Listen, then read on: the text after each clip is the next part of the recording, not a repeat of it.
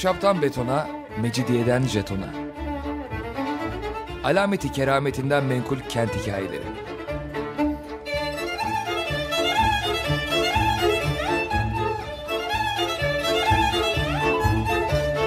Hazırlayan ve sunan Pınar Erkan.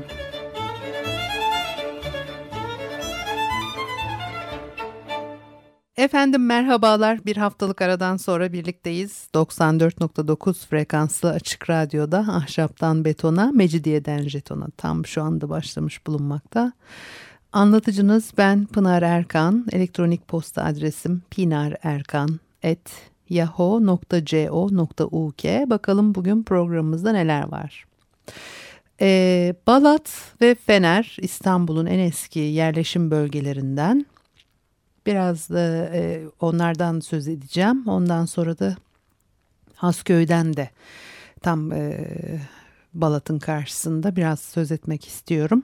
Tarihi Yarımada veya Suriçi bölge dediğimiz Sarayburnu, e, Yedikule, Ayvansaray üçgeni içinde kalan bölgenin kuzeyinde Haliç kıyısında yan yana iç içe iki semtimiz. Suyun e, iki yakasında Hasköy'le e, karşılıklı duruyorlar. Balat'ın Türkiye Yahudileri tarihinde önemli bir yeri var. Balat sözcüğü Palatyon'dan bozma. Rumca saray demek. Surlardaki Bilaherna Sarayı'na yakınlığından ötürü semte bu isim e, uygun düşmüş. Başka kaynaklara göre ise Balat Kapısı'nın 1453'ten önceki adının e, Vasiliki Pili olduğu söylenir. Hünkar Kapısı demek. Bilaherna Sarayı'na deniz yoluyla e, gelen imparatorlar bu kapıdan geçerek şehre giriyorlar. 12. yüzyıldan sonradır Bilaherna Sarayı'nın kullanımı ve önemi ondan önce Sarayburnu'ndaki Büyük Saray e, ön plandaydı. Tabii burada bir e, Latin istilası e, söz konusu oldu. 13. yüzyılda ve e, tabii o Latin istilası şehrin epey zarar görmesine e, sebep oldu ve dolayısıyla da sarayın yeri de işte bu dönemde daha e, e, güvenlikli mi diyelim daha e, arka tarafta kalan bir yere e, e, alınmış. E, Fatih'in vakfiyesinde Makedonya'nın Kastoria kentinden 100 kadar Yahudi ailenin getirildiği yazılı Kastoria sinagoğunu inşa ederek çevresine yerleşiyorlar. Kastoria sinagoğundan bugün geriye bahçe duvarı ve e, kapısından başka bir şey kalmamıştır. Yani bahçe en son bildiğime göre otopark olarak kullanılıyordu o zamandan bu zamana değişmediyse daha sonra 1492 ve 1497'de İspanya ve Portekiz'den göç eden e, Yahudiler de Balat'a yerleştiler. Eminönü'nde Bahçekapı olarak e, geçen semt de vaktiyle Yahudi mahallesiydi. Bahçekapı, Tahtakale, Yemiş İskelesi civarında yaşayan Yahudiler türlü sebeplerle Hasköy'e taşınmıştır. Onu biraz sonra Hasköy'den söz ederken tekrar edeceğim. E, Tahtakale daha eskiden Venedik mahallesiydi. Yani Tahtakale bin yıl önce de ticaret merkeziydi. Onu ayrı bir programda e, anlatmak niyetindeyim kışa doğru. Böylece Romanyot ağırlıklı olan bölgede başka memleketlerin Yahudileri de yaşamaya başlıyor. Zaman içinde yine de belki pek karışmayan ama daha karışık bir cemaat oluşuyor burada. Balat Kapısı bugün daracık bir sokak.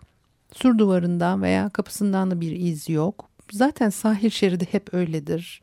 yer yer sur duvarları e, mevcut ama çoğu yerde yıkılmış. Burada Edirne Kapı'ya doğru yükselen 3 mahalle vardı. Ayrıca Balat Kapısı'nda sur duvarları dışında da bir mahalle vardı. Özellikle 17. yüzyılda Balat iskelesine küçüklü büyüklü yük gemileri yanaşabiliyormuş.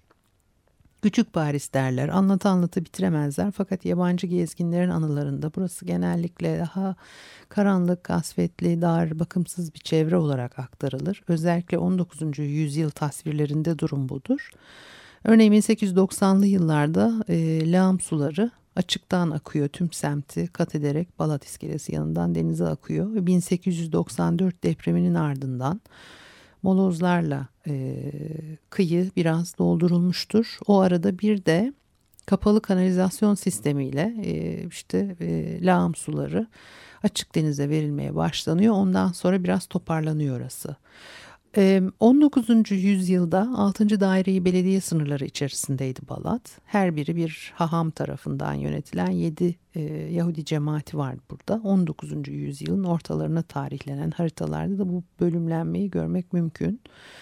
E, mesafeler var yani sinagoga e, gidecek cemaatin e, oturması e, oturabileceği en uzak mesafeler falan var. Yani o yedi mahalle e, sinagoglar etrafında bu şekilde e, oluşuyor. Dış Balat, Tahta Minare, e, Karabaş, Dübek, İç Balat, e, Kasturya ve İstipol çevreleriyle Ayvansaray üstlerindeki Lonca Mahallesi'nde e, Yahudi e, ağırlıklı gruplar yaşıyordu.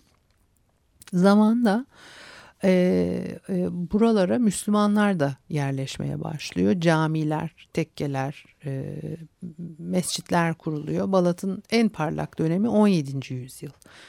18. ve 19. yüzyıllarda semt önemini yitiriyor. 18. ve 19. yüzyıllarda şehir aynı zamanda kuzeye e, kaymaya başlıyor. Nüfus artıyor bu dönemde sadece İstanbul için değil bütün batılı şehirler için de geçerlidir bu nüfusun e, hızla artması, şehirlerin daha e, büyümesi. İstanbul'da artık tarihi yarımada Suriçi bölgeye sığmaz oluyor. Bu dönemde aynı zamanda e, iki yakayı birbirine birleştiren köprüler de inşa edilmeye başlamıştır. 19. yüzyılda özellikle 2. Mahmut devrinde. Dolayısıyla artık yani iki yakayı yani tarihi yarımada ile Galata'yı birbirine e, birleştirip ondan sonra da buradan geçmeyin diyecek hali yok. E, in, e, şehir içi sirkülasyon e, farklılaşıyor, gelişiyor. E, zaten işte at arabalarıyla, e, araçla hani şehir içerisinde e, dolaşabilme izninin 2. Mahmut tarafından bu dönemde verilmeye başlanmasının tabi sebeplerinden de biri yine bu köprüyü yapmışsın işte ona göre e, hani yol yapmış sayılırsın filan. Dolayısıyla e, birileri de buralardan ya yürüyerek ya araçla geçecek bir şekilde mesafeler de uzuyor. O dönem içerisinde bizim e, algılayışımızdan daha farklı bir mesafe e, algılayışı olduklarını da düşünürsek eğer çok uzak tabii iki yaka e, birbirine. Şimdi e, dolayısıyla şehrin 19. Ee, yüzyılda kuzeye kaymaya başlaması, genişlemeye, büyümeye başlaması yine e, Balat'ın e, önemini yitirmesinde önemli etkenlerden bir tanesi.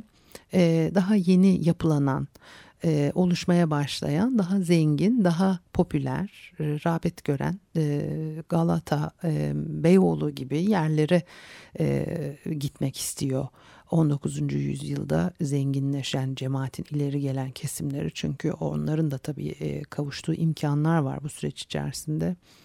E, tanzimatla beraber başlayan İslahat fermanıyla yani tanzimatla bir haberci gibidir o tanzimat fermanı haber veriyor bir iyi bir şeyler olacak hak hukuk açısından ama yasal bir altyapının tam oturduğunu söylemek veya işte onun çizildiğini söylemek zor. Sonra islahat fermanı ve arkasından veya öncesinde sonrasında o dönemde çıkartılan yönetmelik ve yasalarla altyapı oluşturulmuştur. Yani asıl o zamandır mülk edinebilir, e, satabilir, alabilir, işte miras hakkı e, devredebilir falan gibi bir takım e, hakların e, e, tanınması özellikle gayrimüslim cemaatlere e, e, yaramıştır e, bu dönem içerisinde. Dolayısıyla onlar da tabii ticaretle özellikle uğraştıkları için Batı ile ilişkileri daha erken kuruyorlar. Özellikle Rumlar bu konuda e, daha önde gidiyor.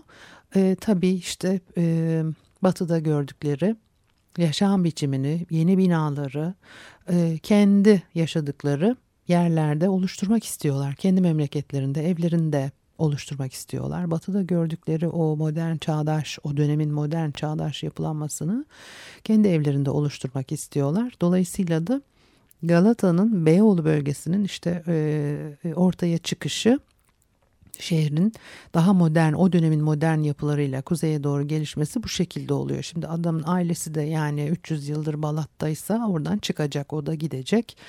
Ee, daha e, iyi gelişen revaçta olan bir semte yerleşecek. E, e, 1894 depremi, yangınlar, Galata ve e, Pera'nın yeni gelişen yerleşim bölgeleri olarak öne çıkması hep işte e, bu süreçte etkili. Yangınlar çok etkili. İstanbul'un yangınları çok meşhur. 1840'lardan sonra özellikle Haliç kıyılarına devlet fabrika, atölye ve imalathaneler e, kurmaya başlıyor. O zamanlar sanayinin e, olumsuz etkileri olduğu düşünülmüyordu. Lale devrinin e, süslü görkemli konakları, e, saraylarla bedeli Haliç e, kıyıları 19. yüzyılda giderek sanayi bölgesine dönüşmüştür. Ve e, tabii bu da nasıl ki o lale devrinde e, e, ortaya konan yeni yapılanma biçimi e, devlet eliyle e, yapılmış idiyse bu yine aynı has bahçelerde e, kurgulanan o konakların yerini işte sanayi yapılarının tabii alması e, karşımıza çıkıyor. E, arada bir yüzyıl daha geçiyor. Bakıyoruz 1980'li yıllarda sur dışındaki e, Yahudi mahalleleri bakımsız ve kötü diye yıkılıyor, ortadan kaldırılıyor. Balat'ın sahil kesimi büyük ölçüde ortadan kaldırılmıştır. Birinci Dünya Savaşı sırasında sadece Balat'ta 25 bin Yahudi nüfus var. Balat'a ve Küçük Paris Hasköy'e gökyüzünün altındaki Hasköy deniyor. Eee bir ara verelim ondan sonra devam edelim.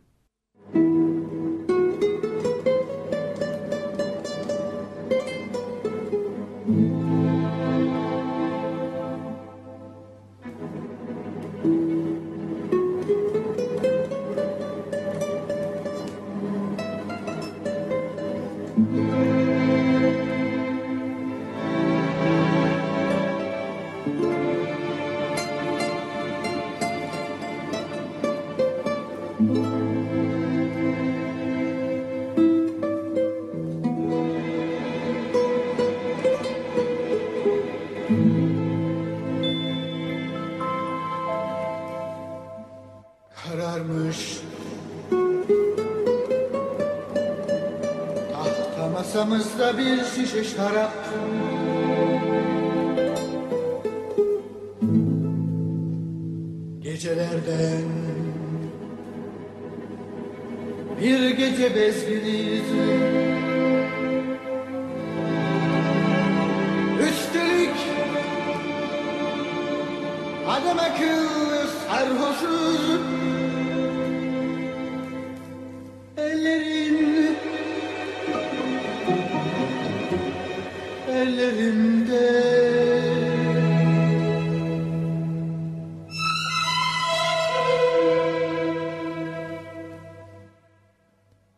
İspanyol. Meyhanesinde bir kadın Çığlık çığlığa şarkı söylüyor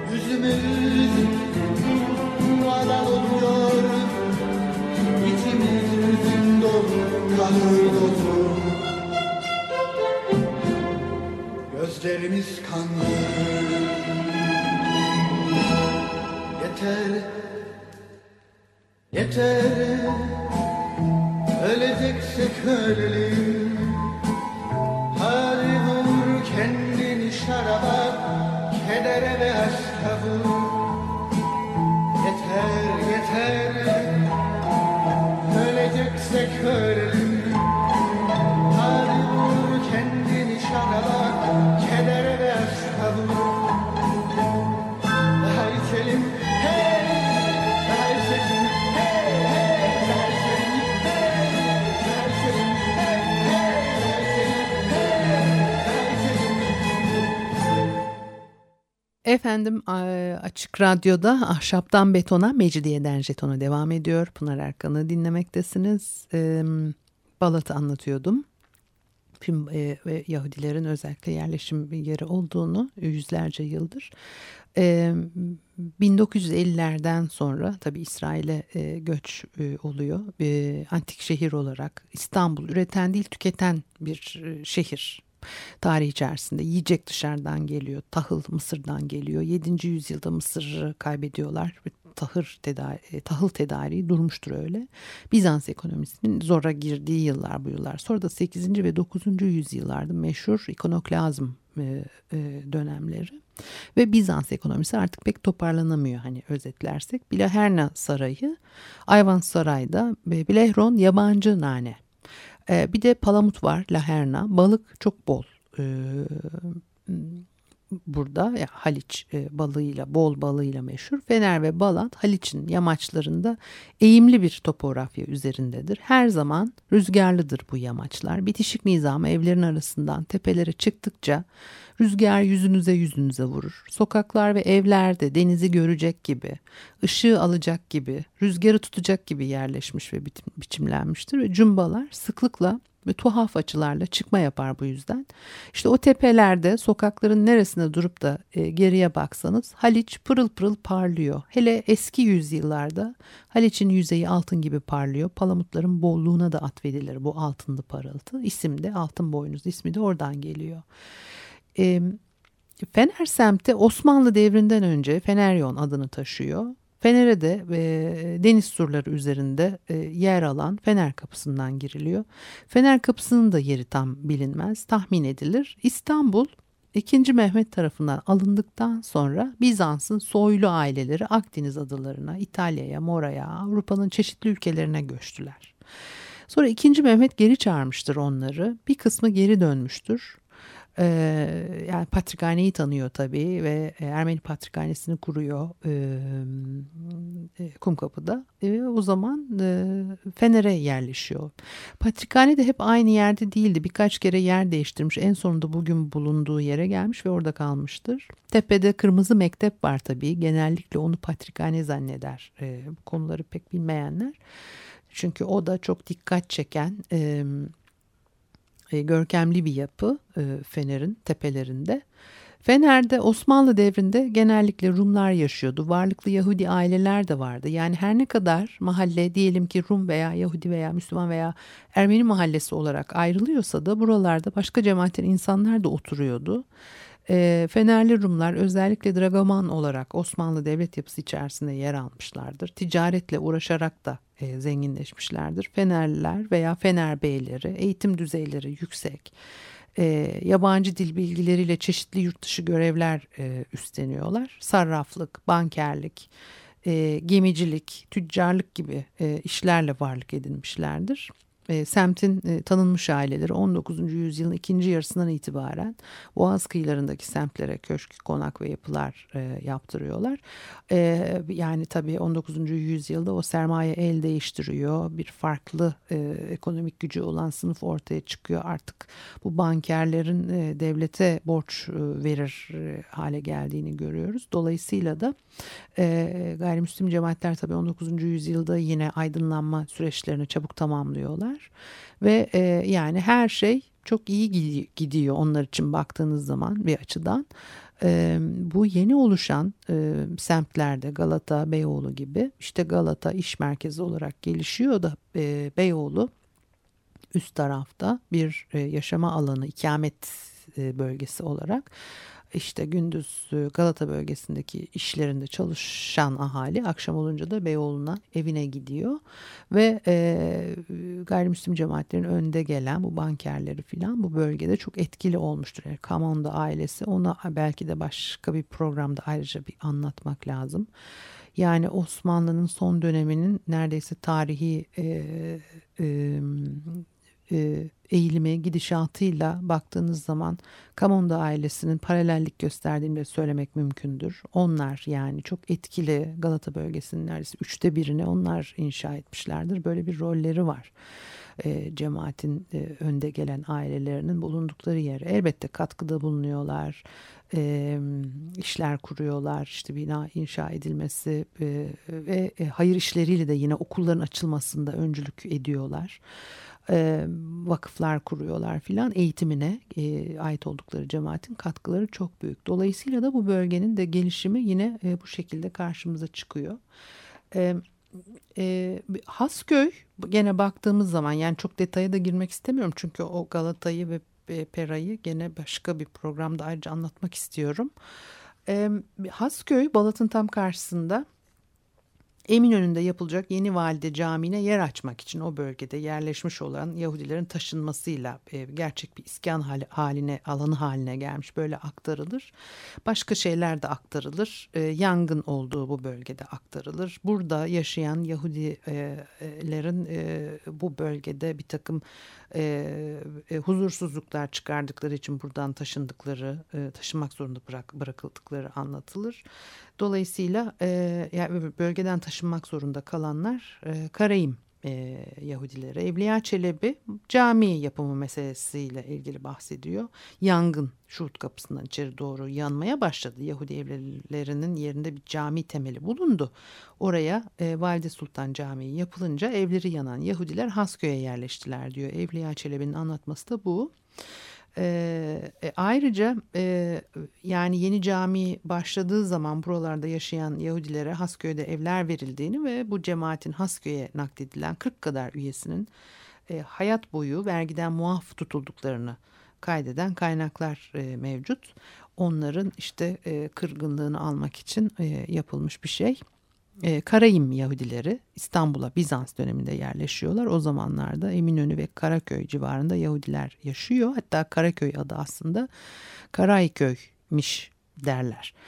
E, Hasköy'e geri dönersek e, eski haritalarda semtin sokak adları Yahudi geçmişini açıkça belli eder. Basmacı Ruşen Sokağı eskiden Basmacı Avram Sokağı'ydı mesela.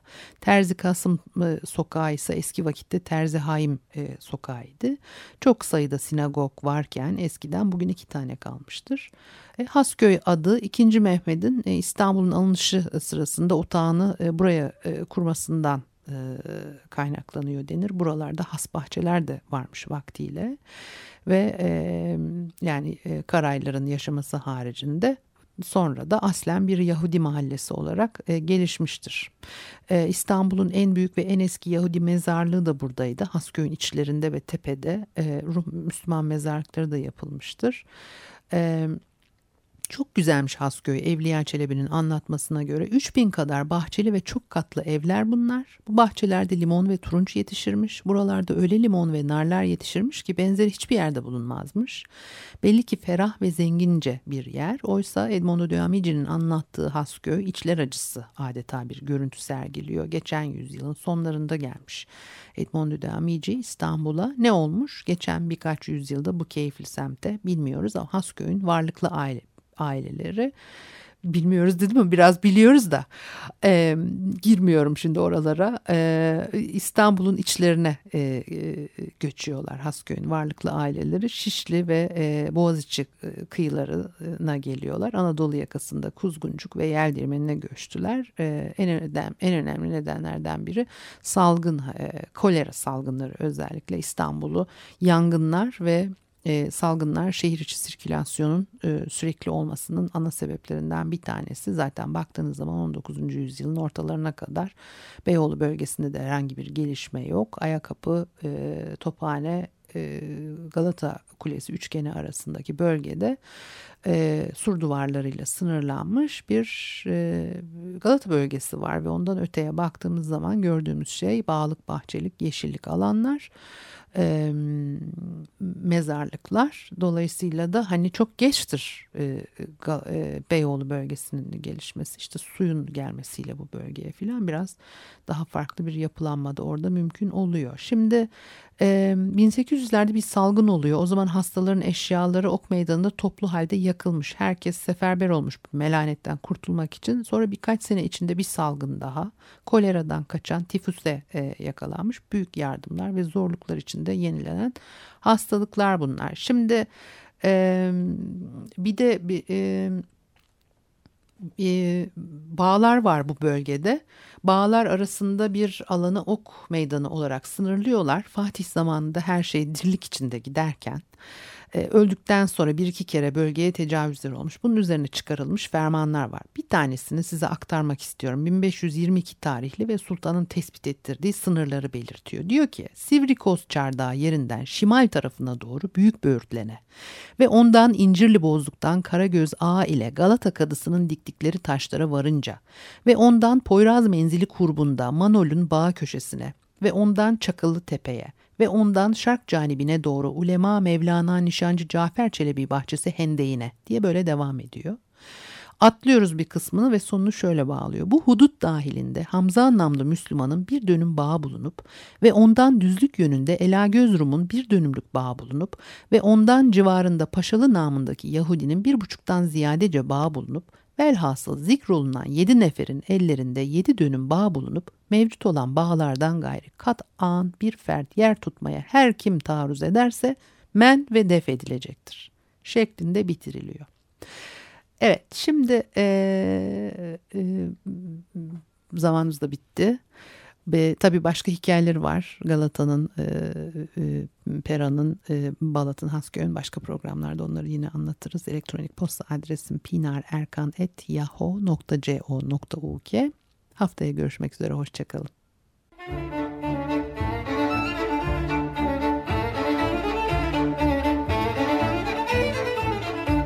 Ahşaptan betona, mecidiyeden jetona. Alameti kerametinden menkul kent hikayeleri.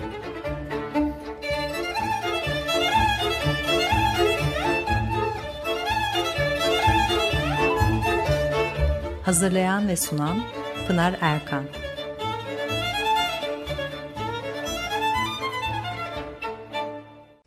Açık Radyo program destekçisi olun.